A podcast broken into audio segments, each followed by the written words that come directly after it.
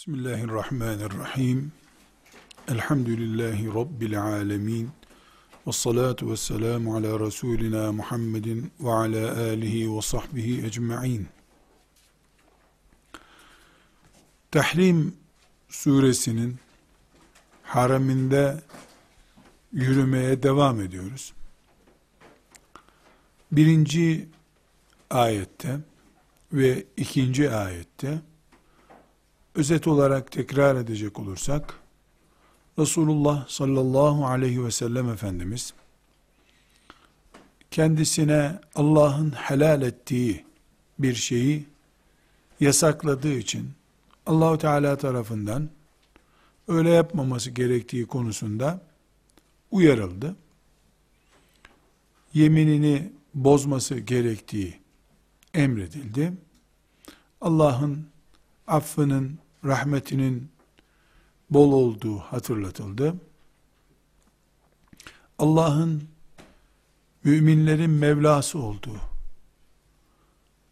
ve onlara iyi şeyleri gösterdiği, alim ve hakim olduğu için kullarının ona teslim olmaları, yani Allah'a teslim olmalarının kulların menfaatine olduğu birinci ve ikinci ayetlerde tekrar edilmiş ve dipnotlar görmüştük ayetlerin içinde.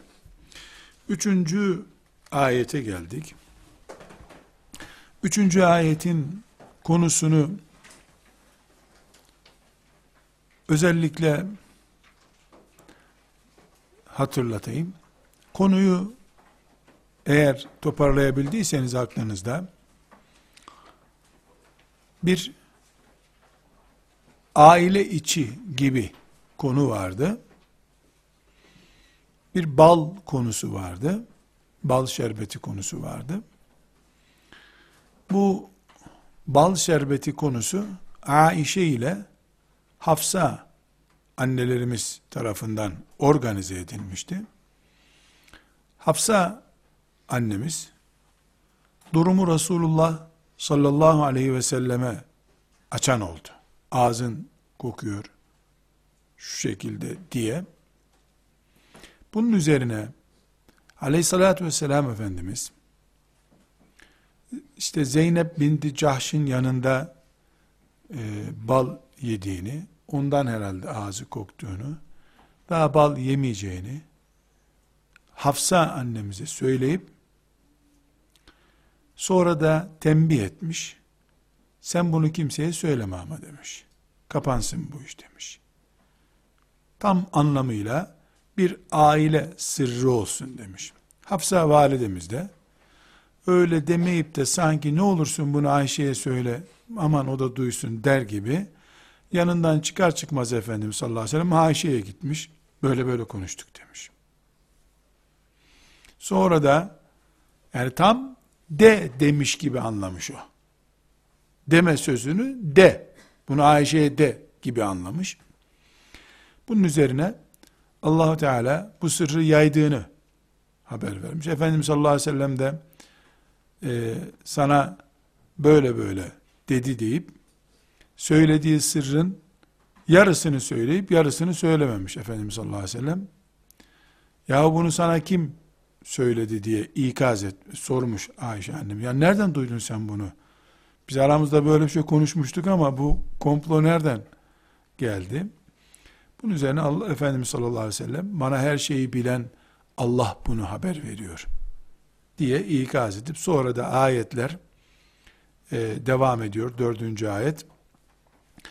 E, yani bu yaptığınız iş tövbeyi gerektiren bir iştir kalbinizde bir sıkıntı var sizin, tövbe edin diye ikaz ediyor.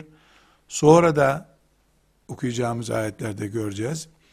allah Teala peygamberin hanımlarına aleyhissalatü vesselam buyuruyor ki eğer sizi boşayacak olursa peygamber bu olaydan dolayı sırrını bir de yaymaya kalktınız. Sana rica ediyor bu aramızda kalsın diyor.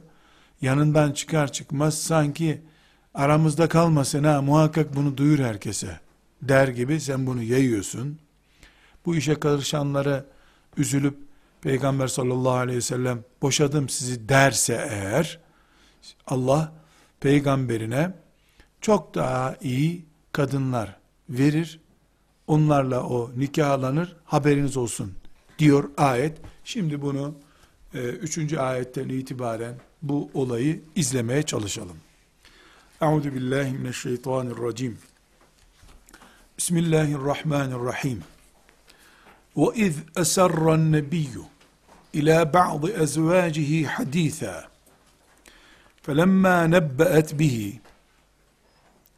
وأظهره الله عليه عرف بعضه وأعرض عن بعض فلما نبأها به قالت من أنبأك هذا قال nebbe'eniyel alimul habir ve iz öyle ki demektir. Türkçemizde ve iz iz edatının tam karşılığını bulamayız. Öyle ki o zamanki gibi takı koyabiliriz ancak. Eserran nebiyyu sır tuttu, sır söyledi.'' En nebiyyü peygamber. Ve iz eserran nebiyyü peygamber bir sır söylemişti. Sır tutturmuştu ila ba'dı ezvacihi bazı hanımlarına yani hanımlarından birine bir sır söylemişti hadithen söz olarak konuşma olarak peygamber hanımlarından birisine bir sır söylemişti sır söz söylemişti felemma nebbeet bihi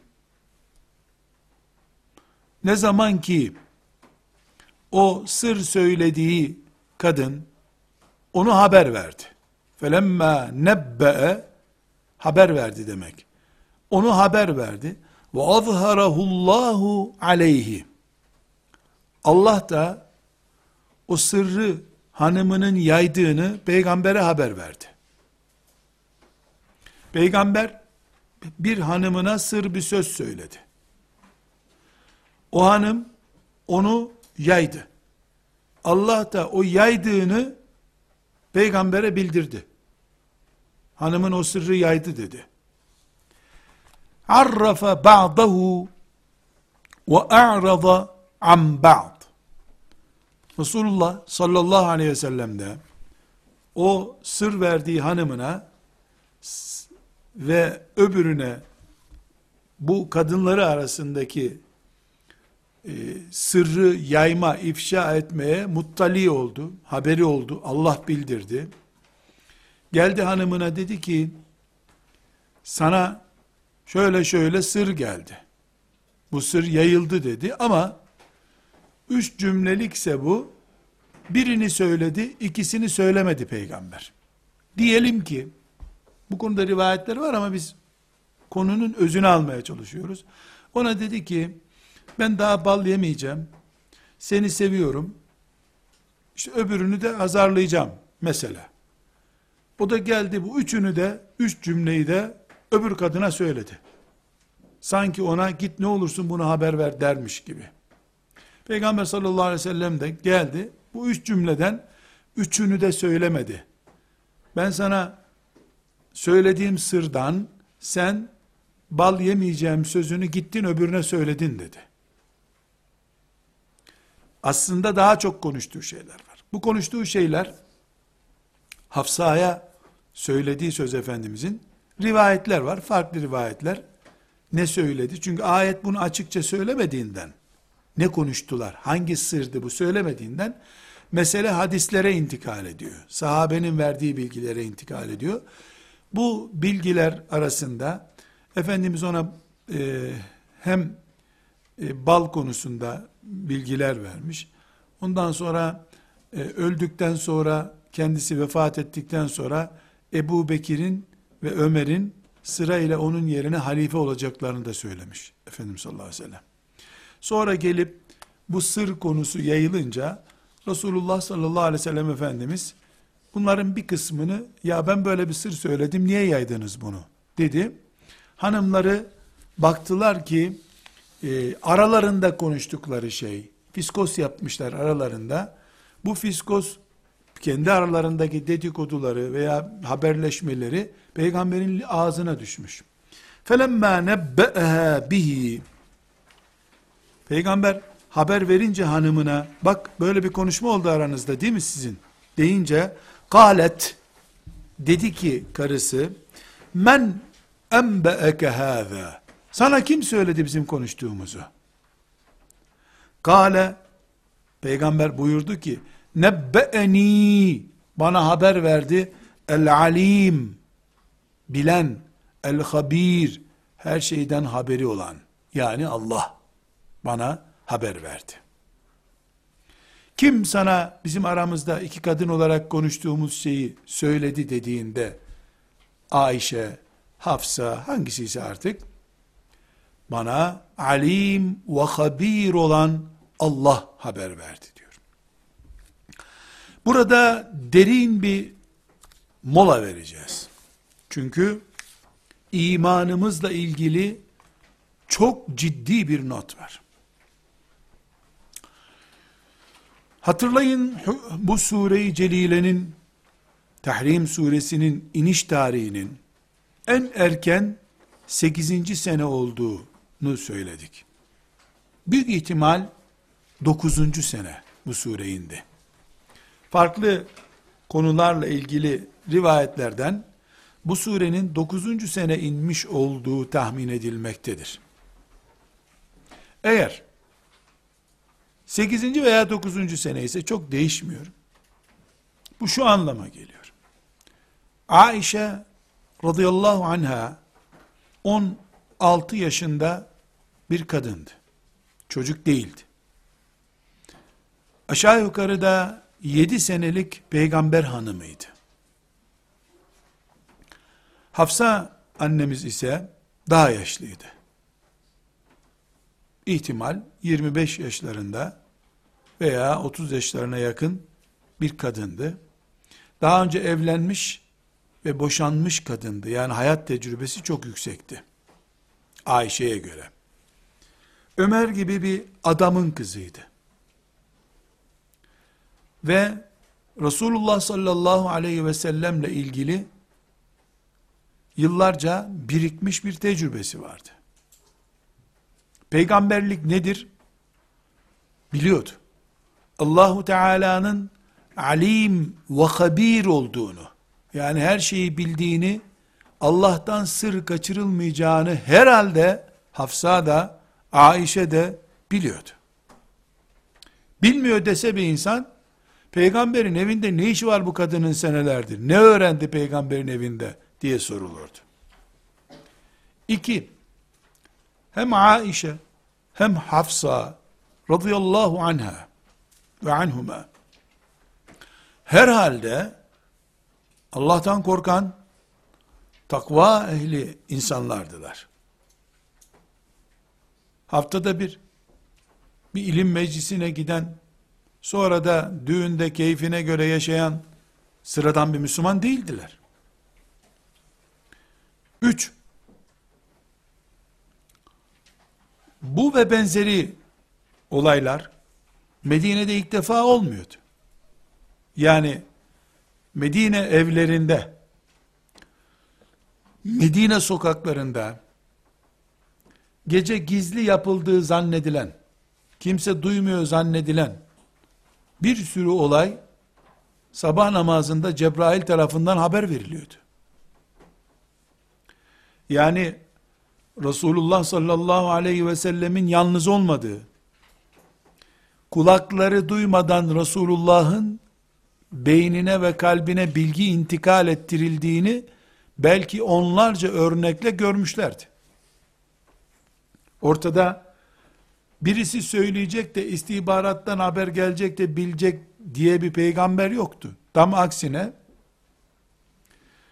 gece olan şeyi gündüz asabına anlatan, yanındaki konuşan insanların ne konuştuğunu söyleyen bir peygamber vardı. Bunu görmüşlerdi. 1, 2, 3, 5, 10, 20, 45, 50 olay oldu belki. Bu peygamberden bir sır kaçırılmaz. Allah buna haber verir. Bunu biliyorlardı. Peygamberlik bu demek zaten. Bunu üç aşağı beş yukarı herkesten iyi biliyorlardı. Bu üç gerekçeye rağmen bakın dikkat edin nereden duydun diyorlar. Şaşırıyorlar. Bir kere bunu konuşurken ağızlarını alırken bunun muhakkak duyulacağını anlamış olmaları gerekiyordu. Peygambere karşı böyle bir cüret yapmamalıydılar. Ama cevabımız ne bizim? Aişe ve Hafsa radıyallahu anhuma insandı. İnsandı ikisi de. Denizin ortasında susuz kalabilir insan.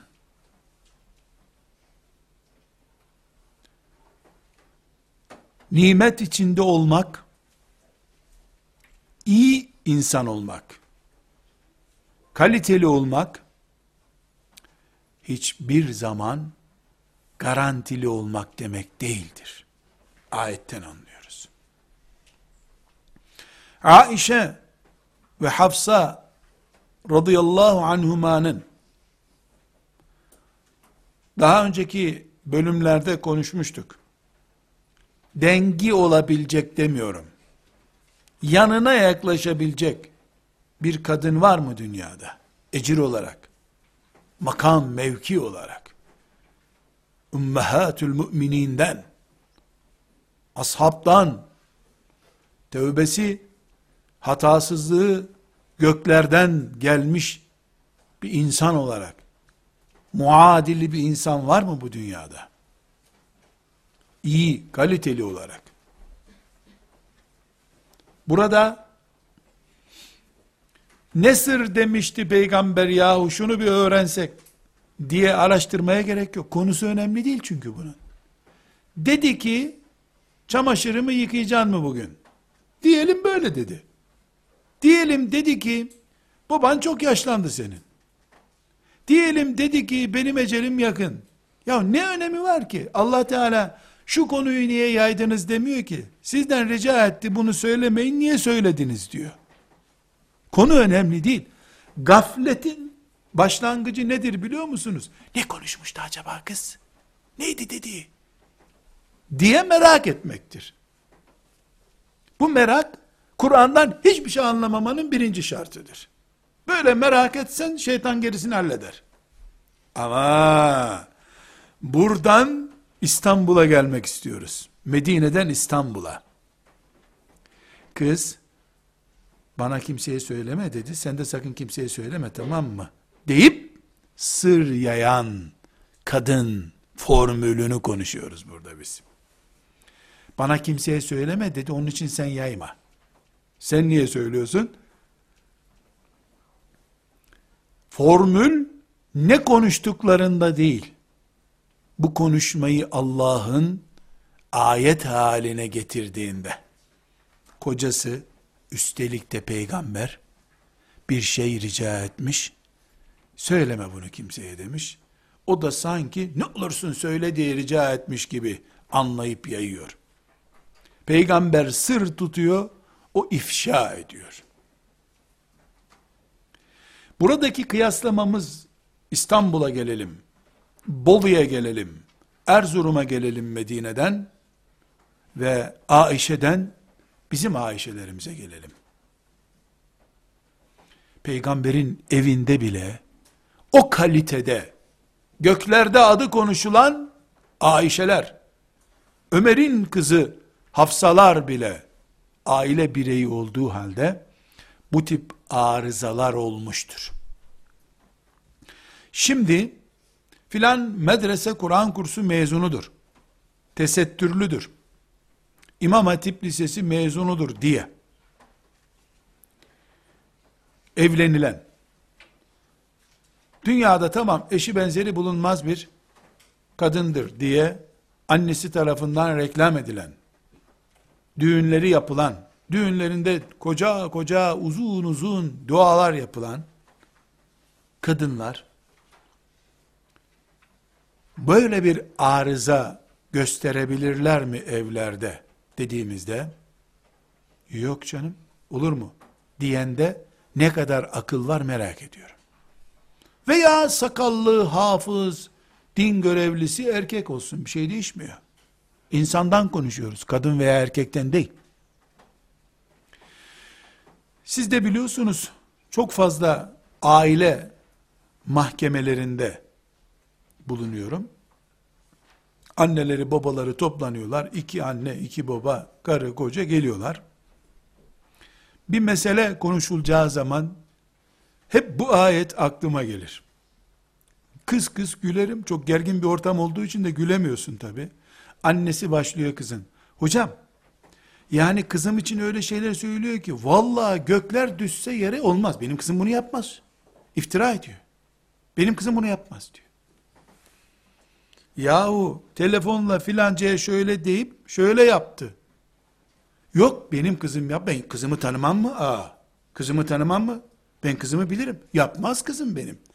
Bunu söyleyen anneye sen Tahrim suresi gördün mü hiç hayatında? Da diyemiyorsun. Başlarım Tahrim suresinden der maazallah. O başka. Ayşe şımarıktı derse ne diyeceğim ben? Diyemiyorum da Tahrim suresi tanıyor musun?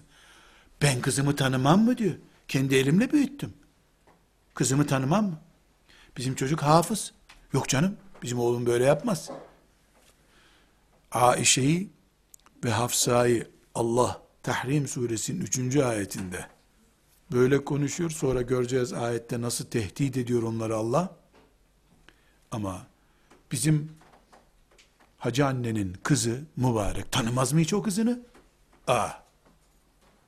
Dünürü oğlunu tanımaz mı hiç? Oğlu hatasız, masum. Masum. Peygamber değil o kadar. Hiçbir hatası yok. Onun kızı da yani neredeyse Ayşe'den de daha değerli. Hiç hata yapması mümkün değil. Fırtına belli oluyor nereden koptuğu zaten. Bu sözden kızı kimin kötülüğe kışkırttığı, aileyi kimin ifsad ettiği anlaşılıyor. Çünkü o kızını tanımaz mı hiç? Haşa, hiçbir bir şey yapmaz. Hiç dedikodu yapmaz.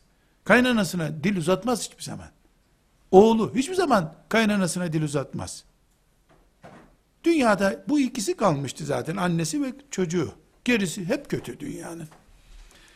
Bu ayeti niye öğreniyoruz biz? Rabbimiz daha önce ne dedik? Aişe üzerinden, anamız Hafsa üzerinden terbiye ediyor bizi. Haddimizi öğretiyor. Kur'an bunun için öğrenilir zaten. Bir varmış bir yokmuş Ayşe'ye sır söylemiş, Hafsa'ya sır söylemiş Peygamber aleyhisselam demek için değil. O bir varmış bir yokmuş Peygamber Ayşe'ye sır söylemiş, Hafsa'ya sır söylemiş, onlar da yaymış, Allah da kızmış, onlara ayet indirmiş, Yahudi kafasıdır. Hristiyan anlayışıdır. Tevrat'ı ve İncil'i ilahi gibi okurlar onlar. Müzikli olarak okurlar. Sallana sallana Yahudi Tevrat okur, dindar olur. Mümin dimdik durur, Kur'an okur, kendisi için okur. Musa hikayesi, İsa hikayesi dinlemek için değil. Ümmeti Muhammed'in Kur'an'a imanıyla Hristiyanların ve Yahudilerin kitaplarına imanı arasındaki farkı konuşuyoruz. Nedir bu fark? İşte biz Peygamber Ayşe'ye sır söylemiş, onun içinmiş bu olay diyen Yahudi kafası değil, demek ki peygamberin evinde bile böyle bir olay olup peygamber üzüldüğüne göre, bu Cebrail'in ayet indirmesine sebep olduğuna göre, kanun, kanun, iki nokta üst üste, hiçbir ev, hiçbir ev, peygamberin evi bile olsa, aleyhissalatü vesselam, sorunsuz olamaz. Asiye'nin aday rakibi Ayşe Hafsa bile olsan, ayağın kayar, kocanı üzersin, karını üzebilirsin. Bu insan olmanın en tabii gereğidir. Ve imtihandır bu. Bu imtihandır. Kazanabilenler bu imtihanı kazanarak yola çıktılar. Kaybedenler de sadece tesettürlü olmayı, sadece namaz kılmayı, sadece oruç tutmayı kendileri için yeterli bulduklarından da, dağılan ailelerinin enkazı altında helak olup gittiler.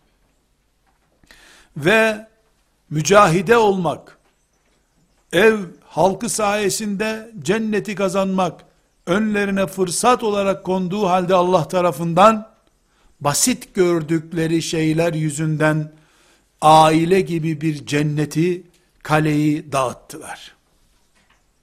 Biz, bunun için, Tahrim suresi okuyoruz. Bunun için Rabbimiz, bize örnek olarak gösterdiği Aişe'sini, Hafsa'sını Peygamber sallallahu aleyhi ve sellemin nasıl idare ettiğini görüyoruz. Burada bir başlık daha açılacak bu ayetle ilgili. Nedir o başlık? Bu olay Peygamber aleyhissalatü vesselamın başına Cebrail'in girip çıktığı bir evde geliyor. Ev böyle olur. A, B, C çeşitleriyle hangisi olursa olsun böyle bir olay her evde olur. Bunlara idare eden, bunları becerip yönetebilen kocadır, kadındır. Ama özellikle Resulullah sallallahu aleyhi ve sellemin evinde bu iki hanımı ve diğer hanımlarıyla bundan çok daha fazla konular oldu. Kur'an-ı Kerim çok önemli Ahzab suresinde ve bu Tahrim suresinde iki konuyu gündeme getirdi. Birisi bu konu sır tutma konusu. İkincisi de Resulullah sallallahu aleyhi ve sellemin hanımlarının Ahzab savaşı esnasında dünyalık istemeleri, entari, elbise, başörtü, ferace, eldiven, neyse artık, Efendimiz sallallahu aleyhi ve sellemin açlık sıkıntısı çektiği bir zamanda ondan dünyalık istemeleridir. Allahu Teala orada da Peygamber aleyhisselama dünyalık için onu sıkıştıran kadınlarını boşama hakkı verdi. Şu çok önemli bir başlık. Evinde hadislerden toparlayalım. Belki 10 kadar büyük olay olmuştur Efendimiz sallallahu aleyhi ve sellemin evinde. Hadislerden toplandığım zaman, farklı zamanlarda, farklı konularda, Kur'an-ı Kerim, boşama kelimeli tehditlerle, bu dünya metaı istemelerini, süs zinet istemelerini, bir, bir de sır yaymalarını, allah Teala, hanımlarına yakıştıramadı Peygamber sallallahu aleyhi ve sellemin. Böyle olmaz dedi. Boşama yetkisi verdi peygambere. Biraz sonraki ayette göreceğiz. Buradan bir kanun daha çıkarıyoruz. Evlerin ayakta tutan betonu sırdır. Ailenin sırrı yayılmadıkça ayakta durma ihtimali yüksektir. Sır yayıldığı zaman aile çıplak kalıyor demektir. Çıplak kalan aile de dağılmaya mahkumdur. Kadınların üzüleceği bir konu olduğunu bildiğim için bu paragrafı açmayacağım. Ne kadar sır tutar kadınlar bunu açmayacağım. Hamile kaldığında kocasından önce kaç kişinin onu öğrendiğini, kocasının belki bir hafta sonra öğrendiğini söylemeyeceğim. Kadınlar üzmek istemiyorum. Annesine bile helal olmayan, sadece kocasına helal olan bilgiler ve görüntüleri eltileriyle, görümceleriyle nasıl paylaştıklarını söylemeyeceğim. Örneklendirmeyeceğim. Üzmeyeyim kadınları. Hakikat de olsa kadınlar üzülüyorlar. Ama tecrübelerim ve karşılaştığım olaylar hak kadınların haksız olduğu aile tartışmalarında yani muhakemeyi yapıyorsun yapıyorsun bakıyorsun kadına suç kalıyor. Tabi erkeğe de kaldığı olay oluyor, kadına da kaldığı oluyor. Kadının boş boğazlılığından kaynaklandığını görüyorum. Erkek sırrını kayınçoları da bildiği için bunu affedemediğini görüyorum. Yatak odası mı, balkon mu olayın geçtiği yer fark etmeyecek şekilde rahat konuştuğu için kadınların kadın kadına konuşuyoruz canım erkek yok aramızda dedikleri için büyük faciaların olduğunu görüyorum. Ve Rabbimin bu mübarek sureyi niye ibadet olarak okumamız için kıyamete kadar indirdiğini bir kere daha anlıyorum. Bu sebeple değil asi olmak. Asiyelik çok büyük hedef. Sıradan, normal bir Müslüman olarak yaşamak için bile herkesin Tahrim suresinin haraminde yürümesinin şart olduğunu düşünüyorum. Bir belgem olsa, yetkim olsa, ümmeti Muhammed'in gençlerinin evlenme şartını bilse, şöyle koyacak bir gücüm olsa, derdim ki, Tahrim suresini, Talak suresini, Ahzab suresini, Nisa suresini okuduğuna, anladığına dair bana rapor getirdirdi. Aksi takdirde sen evliliğin sırlarını bilmiyorsun. Kuru bir aşıksın. Kuru aşık, yarın sulu adam, sulu kadın tipi olarak karşımıza çıkacak. Derdim diyorum. Kendi kendime tabi. Hayal bu. Çünkü öyle bir zamana geldik ki, kadınlar Nisa suresini inansınlar, erkekler Talak suresini inansınlar, iman etsinler sadece yeter diyecek bir zamana geldik. Kim kime neyi okutacak? Evet, dördüncü ayete geldik. İn tetûbâ ilallâhi fekad sagat kulûbukuma ve in tezâharâ aleyh fe innallâhe huve mevlâhu ve Cibrilu ve salihul müminin vel melâiketu ba'de zâlike zahir. Sadakallahul azim. İn tetûbe eğer ikiniz tevbe ederseniz tetûbe ikiniz tevbe ederseniz demek. Bu ikiniz tevbe ederseniz sözünden anlaşılıyor ki bir önceki ayette hatırlarsanız ba'zu ezvacihi kadınlarından bazıları demişti. Dokuz hanımı vardı o gün. Efendimiz sallallahu aleyhi ve sellemin. Orada bu dokuz hanımdan beş altısının bu işe karıştığı gibi bir şey anlaşılıyordu. Olayda üçüncü kadın da vardı. Zeynep binti Cahş'ın odasında olduğu için bu iş, Allahu Teala orada bazı kadınları arasındaki bir olay deyip üçüne birden işaret etmişti. Kur'an'ın anlatım sanatı bu. Şimdi eğer ikiniz tevbe ederseniz diye başlıyor. Demek ki Zeynep'in bu işte hiç tevbelik bir kabahati yok. Zeynep odasındaydı. Peygamber aleyhisselam yanına geldi. Ona bal ikram etti. Peygamber aleyhisselamın e, gelişinde Zeynep'in bir kışkırtması olmadığı için konu anlatılırken bir grup kadın olarak anlatıldı. Şimdi tövbe ederseniz derken iki kadına işaret ediyor. O iki kadın Ayşe ve Hafsa. Çünkü bu operasyonu onlar başlattılar. in tetûbâ ilallahi eğer Allah'a tövbe ederseniz sizin için iyi olur.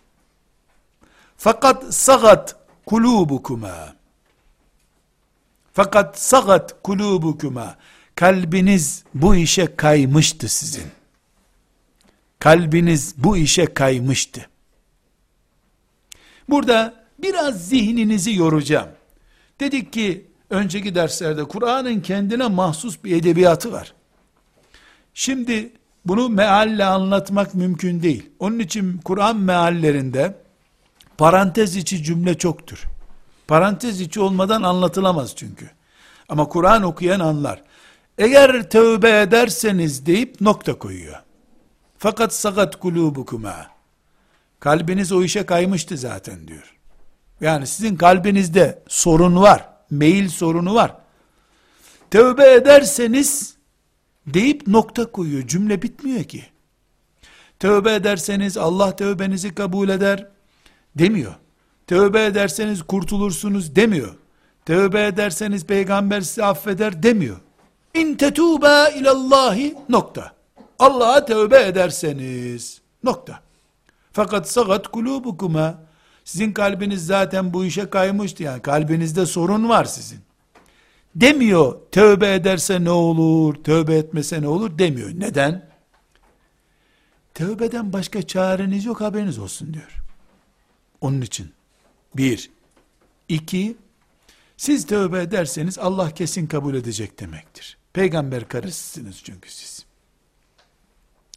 İn tetûbâ ilallahi Allah'a tövbe ederseniz deyip nokta koyuyor.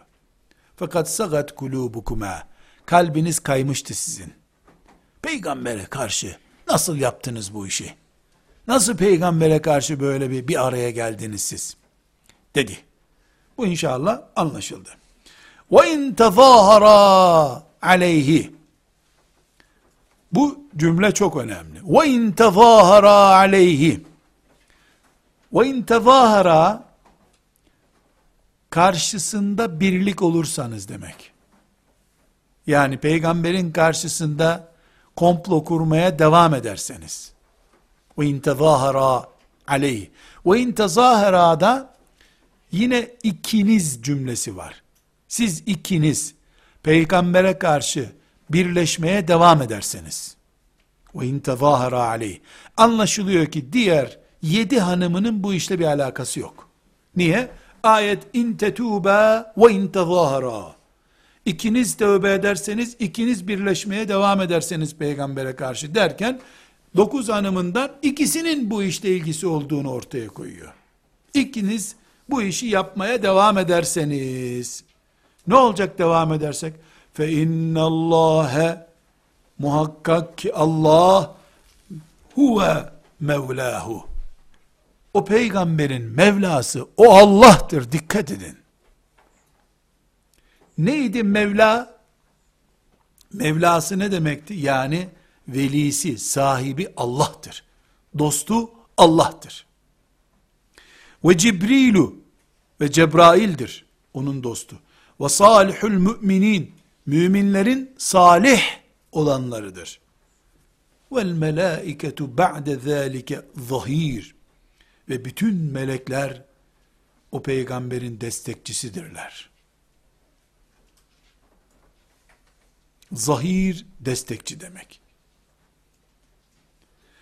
Ayeti toparlayalım. Dördüncü ayetteyiz. Ey iki kadın, Ayşe ve Hafsa, tövbe ederseniz ona göre. Çünkü sizin kalbiniz bu işte kayma göstermişti. Yok.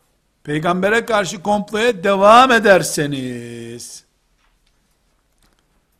onun dostu, Mevlası Allah'tır. Cebrail'dir. Müminlerin salih olanlarıdır. Ve bütün meleklerdir. Haberiniz olsun. Yani, eğer peygambere karşı komploya devam ederseniz, karşınıza Allah'ı alırsınız. Cebrail'i alırsınız. Müminlerin salih olanlarını alırsınız ve bütün melekleri karşınıza alırsınız. Savaşırsınız onlarla. Burada çok önemli ayrıntılar var. Allah peygamberinin yanında olduktan sonra Cebrail olsa ne olur, olmasa ne olur? Diğer müminler olsa ne olur, olmasa ne olur? Cevap. Elbette Allah dostum olsun gerisi lazım değil denebilir. Ama işlediğiniz cürüm melekleri de rahatsız etti. Salih müminleri de rahatsız etti. Bütün melekler bundan rahatsız oldular dikkat edin. Anlamı vermek için buna yani sadece göklerde melekler konuşmuyor. Sadece camide salih müminler konuşmuyor.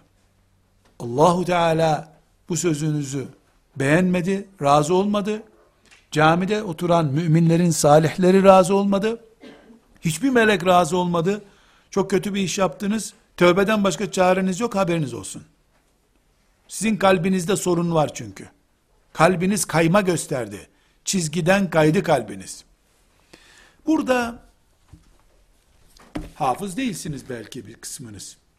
Hafız olmak gerekmiyor. Müminsiniz. Elhamdülillah. Bir şey dikkatinizi çekmesi lazım. Fe innallaha Allah huve mevlahu ve Cibrilu ve salihul müminin vel melaiketu ba'de zâlike zahir. Dört isim sayıyor Allah. Peygambere destek olacaklar. Dört isim. Allah kendisi.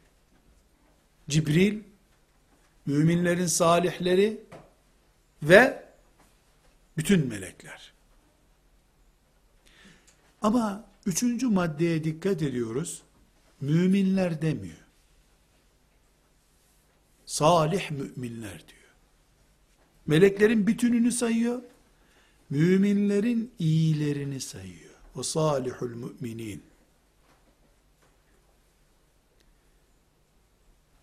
Halbuki bütün müminler peygamber için can vermeye hazırdırlar.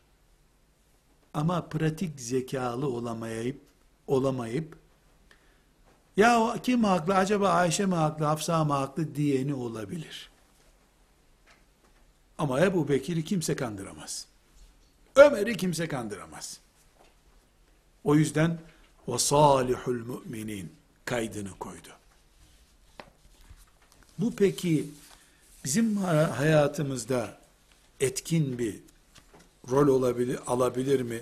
Yani aile kavgasını herkes haklıyı doğruyu bulacak bir şekilde yönetebilir mi? Hayır. Her mümin anlamayabilir bu ailede niye tartışma var diye. Yüzeye takılıp kalabilir.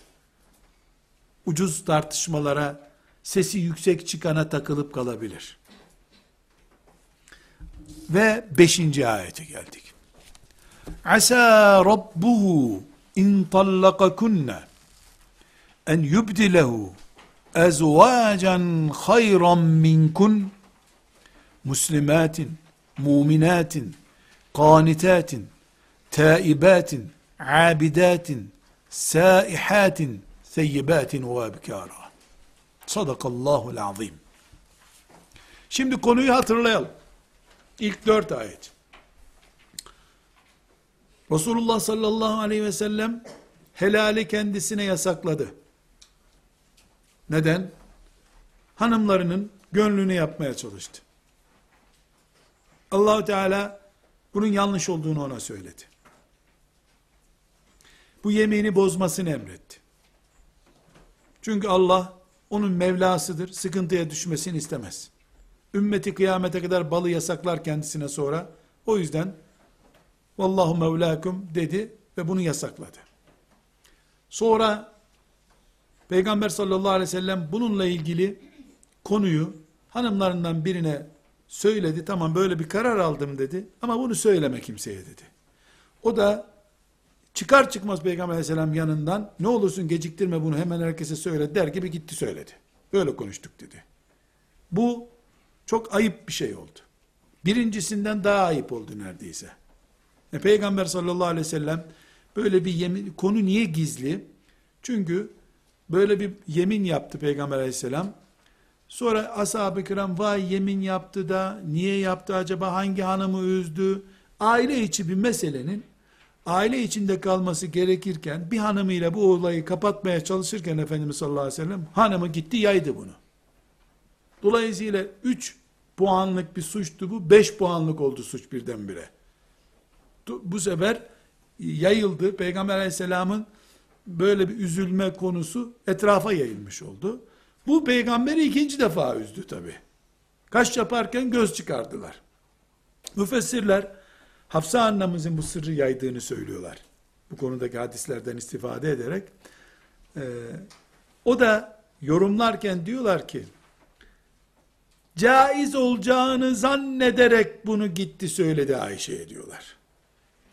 Yoksa bir hıyanetten, komplodan elime fırsat geçti bunu değerlendireyimden değil tabi. Müfessirlerin yorumu bu ama niye yaptı onu Allah'tan başka bilen yok. Bir şey biliyoruz ki tövbelerini kabul etti Allah tertemiz. Yok Allah kabul etti biz Müslüman vatandaşlar olarak kabul etmiyoruz diyecek halimiz yok. Otur oturduğun yerde edebini bil. Kabul etti Allah. Kullarım dedi. Müminlerin analarısınız dedi. Sahabesiniz dedi. Eski yaptıkları kar bile oldu onlara. Çünkü ne demiştik? Mümin günahından tövbe ettiğinde o günahı hasenata dönüşür. Bu Hafsa annemiz için de geçerli. Şimdi böyle bir durum oldu. Bir sarsıntı oldu. Allah tövbeye davet et. İn tetuba ilallahi. Tövbe edin dedi. Kurtulursunuz diye. E, Hafsa annemiz ve Ayşe e, annemiz ve bütün kadınları burada tehdit altındalar şu anda. Ne tehdidinde? Peygamberi melekler görmeye kıyamıyorlar. Allah adını anmıyor peygamberin aman üzülür diye. Siz peygamberi üzdünüz. Rencide ettiniz peygamberi. Bunun üzerine peygamber gayet haklı olarak sizle mi uğraşacağım çekin herkes babasının evine gitsin diyebilir. Dese Allah bundan e, kızar mı, gazap eder mi? E niye sen kadınları bu kadar basit bir şeyden boşadın diye. Çünkü evet bu olay belki boşamayı gerektirecek bir olay değil. Ama peygamber de bu sözün kendisine söyleneceği bu kadar basit bir konuyla oyalanacak birisi değil.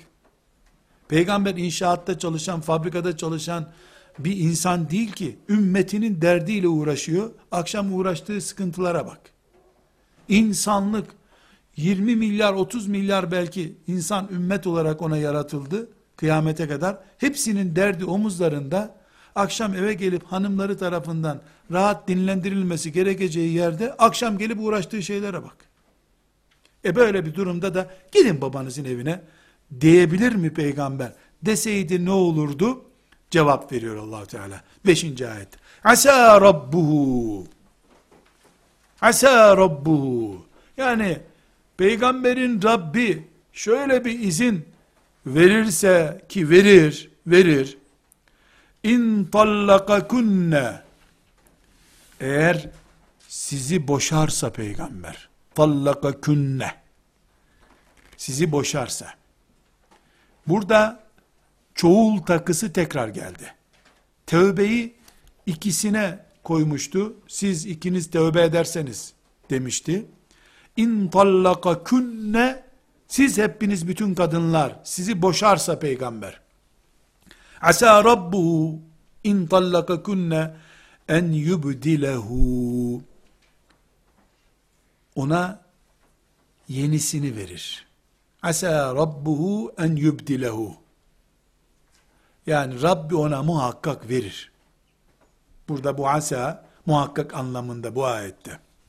Ezvacen eşler hayran minkunne sizden daha hayırlı eşler verir ona. Toparlayalım ayeti. Eğer peygamber sizi boşarsa Allah ona sizden daha hayırlı eşler verir. Asa rabbuhu in tallakakunne en yubdilehu ezvacen hayran minkün. Yani peygamber boşarsa yanlış yapmayacağı gibi sizden iyisini Allah ona verir. Burada Tahrim suresinin aile ile ilgili altın kuralı çıktı karşımıza. İki nokta koyuyoruz. sizden daha iyisini verir. Ayşe'den, Hafsa'dan, Sevde'den, Zeynep'ten, Safiye'den, Mariye'den daha iyisini verir. Mariye eşi değil ama eş hükmünde. Daha iyisini verir. Peki kim daha iyisi ya Rabbi? Ayşe'den daha iyi. Hafsa'dan daha iyi. Zeynep'ten daha iyi biri var demek ki. İsim vermez Allah Teala. Hafsa'nın yerine, Ayşe'nin yerine filanca kadınla evlen demiyor. Ama standart koyuyor Allah. Standart. Bu standart yani Tahrim suresinin 5. ayetinin devamı hangi kadın Aişe'den iyi olacak yarışlar yapabilir kadındır. Veya şu mümin kocası evine geldiğinde sekinesi olup kale gibi onu barındıracak saliha kadın kimdir? Veya hayatı evinde geçtiği halde Allah tarafından cihat olarak kabul edildiği için mücahide kadın kimdir? Veya veya büyük bir veya Asiye kimdir? Çünkü 12. ayetinde Allahu Teala Meryem'den söz ederken ondan önce Asiye'den söz ederken Aişe'ye ve Hafsa'ya rakip olarak onları gösteriyor. Kadın dediğin Asiye gibi olur. Meryem gibi olur. Sizin gibi peygamberin bir sırrını tutamayan kadın kadın olmaz. Dikkat edin diyordu. Ayetlerde sonunda bu surenin isim vererek Asiye'ye teşvik edecek. Meryem'e teşvik edecek. Şimdi bu ayette ise Meryem'den ve Asiye'den söz etmeden önce vasıflarını sayıyor kadınların. Asa rabbuhu in tallakakunna en yubdilehu ezvacen hayran minkun eğer o sizi boşayacak olursa peygamber Allah sizden daha iyisi Rabbi sizden daha iyisini getirip ona eş olarak verir. Size muhtaç etmez onu Allah. Buyurdu. Peki kim ya Rabbi Aişe'den iyi, Aişe'nin o görüntüsünden, Hafsa'dan, Hafsa'nın o görüntüsünden daha iyi kim? Muslimatin, mu'minatin, kanitatin, taibatin, abidatin, saihatin, seyyibatin, o ebkara. Bir, Müslüman. Müslüman. Müminatin. iki, mümin. Üç, kanitatin. itaatkar. Dört, taibatin. Tövbekar. Tövbe etmeyi bilir. Beş, abidatin. ibadet ehli. Altı, saihatin. Oruçlu. Oruç tutar. Seyyibatin ve ebkara. Seyyibatin dul demek. Ebkara bakire demek. Altı özellik sayıyor. Müslümat, muminat, kanitat, taibat, abidat, saihat. Müslüman, mümin, itaatkar, tevbekar, ibadet ehli, oruç ehli. Bunların altısı bekar da olur, dul da olur. Bekar da olur, dul da olur. Bunlar dullardan da olur, bekarlardan da olur. Kur'an'ın belagatları var dedik. Üstün edebiyatı var dedik. Bu üstün edebiyatına burada harika bir şekilde şahit oluyoruz. Aişe Resulullah sallallahu aleyhi ve sellemin bakire olarak evlendiği tek kadındır. Aişe'yi tehdit eden ayet, çok dikkatli dinliyoruz. Kızdırırsanız peygamberi, sizi boşarsa, sizden daha iyisini getirir Allah. Verir ona, eş yapar. Ayeti, Ayşe'yi tehdit ediyor. Dul kadın veya bakire, Allah Müslüman, mümin, işte altı özelliği sayıyor, verir ona diyor. Bakire, evlendiği kadını, dul kadınla tehdit ediyor Allah. Normalde erkeklerin gözünde kadın bakire olunca değerlidir. Düşünülür. Peygamberlerinin on dul kadınla evlendiğini hiç hesap etmez kimse tabi. İki, maalesef desem mi demesem mi kadınlar adına bilmiyorum demeyeyim. Bana ne kadınlar kendileri desinler. Kadınlara göre bile dulluk ölümdür. Dul gitti, öldü. Halbuki Müslümatin, muminatin, kanitatin, taibatin, abidatin, saihatin olduktan sonra dul olsa, bekar olsa Allah'a göre fark etmiyor. Daha iyilerini getiririz, veririz peygambere diyor Allah. Özellikle de hemen ayetin takısı seyyibatin, bunlar dul da olur diyor. Ve ebkara, bakire kızlar da verebiliriz peygambere. Size minnet ettirmeyiz onu. Buradan anlaşılıyor ki, her ne kadar erkekler söz birliği edip, illa muhakkak bakire olacak kadın diye bir puanlama yapıyorlarsa da, ah Allah'ın kitabı. Tahrim suresi 66. sure 5. ayeti Seyyibatin ve ebkara diyor. Üstelik de Aişe gibi bakire olarak evlendiği gencecik bir kadını tehdit ederken Allah başkasıyla evlenmiş dul bir kadını getirir veririz peygambere o onu mutlu eder diyor. Demek ki erkekler de aslında asıl zevkin nerede olduğunu bilmiyorlar. Asıl zevk dullukta, bakirelikte değil. Asıl zevk bu altı şartta. Müslümatin, müminatin, kanitatin, taibatin, abidatin, saihatin, theyyibatin ve abkara. Bu sır burada yatıyor. Dulluk, bakirelik meselesi değil. Müslümatin, müminatin meselesi bu. Şimdi bu altı şarta gelelim. Yani siz peygamberi kızdırdınız. Peygamber de sizi boşadı. Böyle bir şey olursa peygamberi biz yalnız bırakmayız ha. Ona sizden daha iyilerini veririz. Gönderir sizi, sizden daha iyileri gelir. Kim bu daha iyileri? Altı özellik. Müslümat, müminat, kanitat, taibat, abidat, saihat.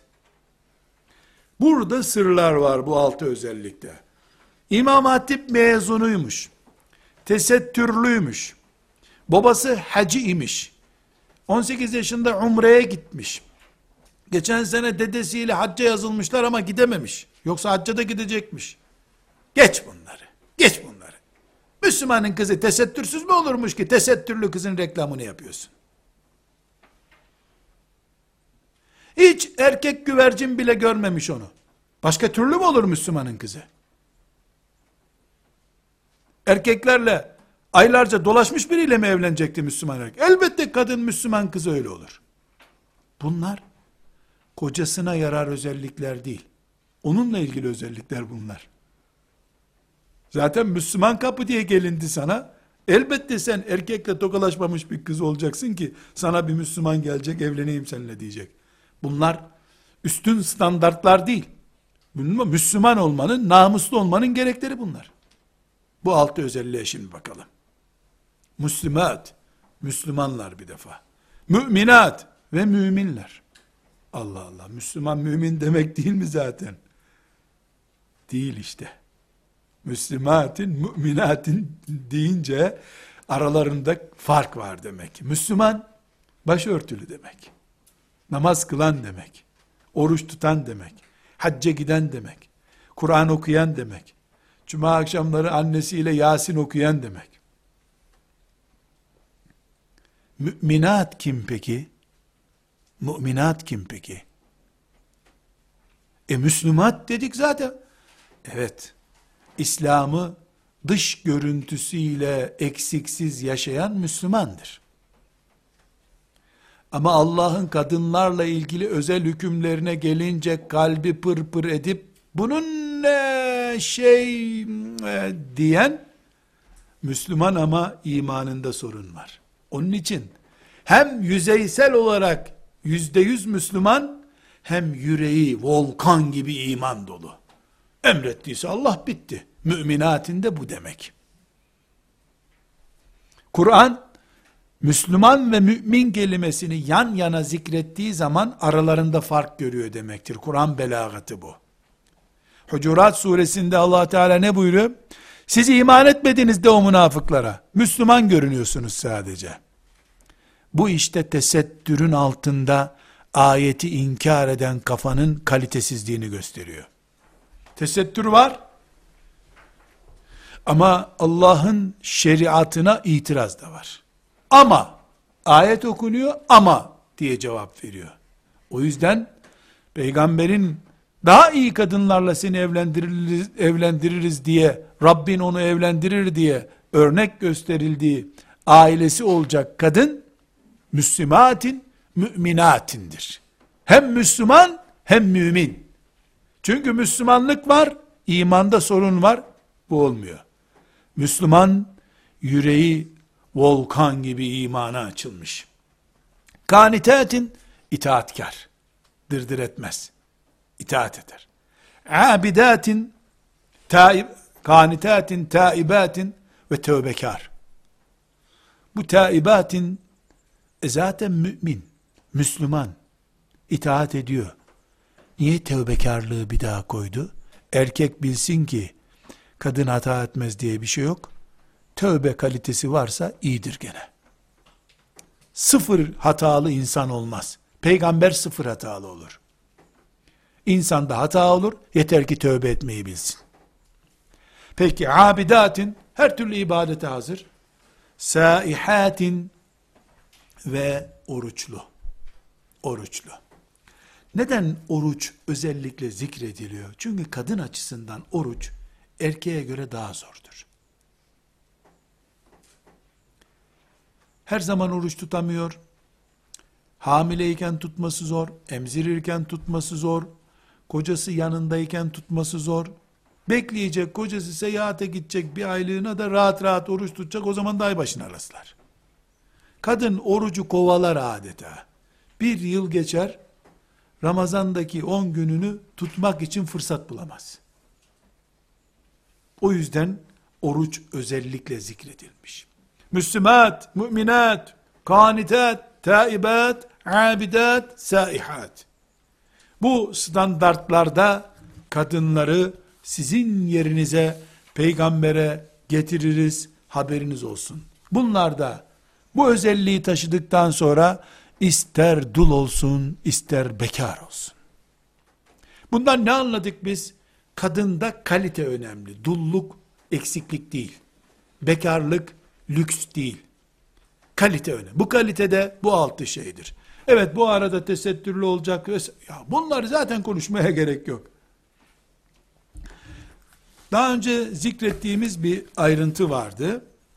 Bu ayetteki dul ve bekar Asiye ve Meryem'e işaret ediyor diyen müfessirler var. Bunu da sıhhat derecesi yüksek olmayan bir hadisten alıyorlar demiştik. Ama her halükarda ayet umumidir. Peygamber evinde hanım olacak kaliteyi anlatıyor. Peygamberi taklit edecek. Peygamberin ailelerini taklit edecek müminlerin erkeklerini ve kadınlarını ikaz etmiş oluyor. Ve sallallahu ala seyyidina Muhammedin ve ala alihi ve sahbihi ecma'in velhamdülillahi rabbil alemin.